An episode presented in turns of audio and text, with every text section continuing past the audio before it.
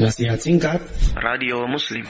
Assalamualaikum warahmatullahi wabarakatuh Ustaz. Waalaikumsalam warahmatullahi wabarakatuh. Ustaz di masa lalu saya pernah melakukan syirik Dan pergi ke dukun Ustaz. Singkatnya sekarang saya sudah bertaubat dan berhijrah ke manhaj salaf.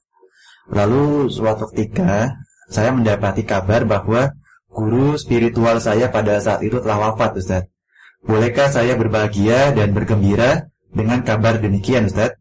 Apakah saya boleh mendoakan neraka untuknya karena dia adalah orang yang menzolimi Allah dan juga makhluknya dengan tipu muslihatnya Ustaz? Ya, mohon jawabannya Ustaz. Bismillahirrahmanirrahim. Alhamdulillah barakallahu fikum. Uh, orang yang melakukan satu kesalahan itu ada beberapa kemungkinan. Kemungkinan yang pertama karena tidak tahu, ya karena tidak tahu.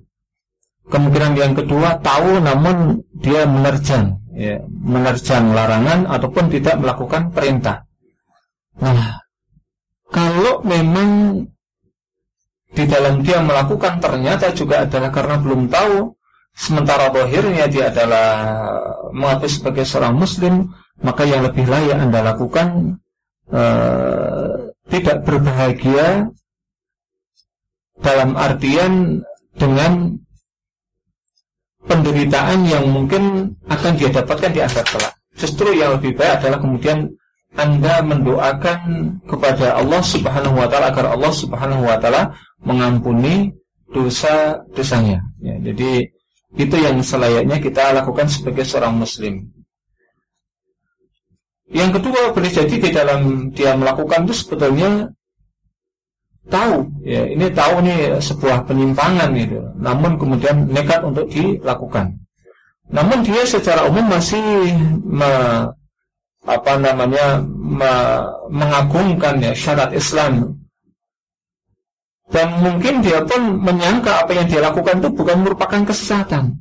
Ini adalah satu di antara kelebihan boleh jadi dalam pandangan dia yang Allah Subhanahu wa taala berikan kepada dirinya. Ya.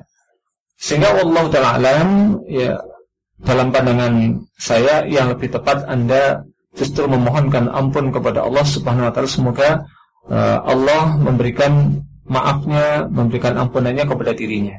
Adapun bangga dalam artian ataupun senang dalam artian telah berkurang di antara penyebab kesesatan di dunia itu boleh. Namun terhadap orangnya ya sebaiknya kita mohonkan ampun kepada Allah Subhanahu wa taala kecuali kalau orang tadi sudah jelas-jelas keluar dari agama Islam, sudah ada orang yang datang kepada dirinya, ya seorang alim memberikan nasihat, e, kemudian dia malah membangkang terhadap syariat dan dia mati jelas dalam keadaan kekufuran, maka kita tidak lagi boleh untuk memohonkan ampunan kepada Allah terhadap orang-orang yang jelas-jelas mati dalam keadaan kemusyrikan ataupun mati dalam keadaan kekufuran.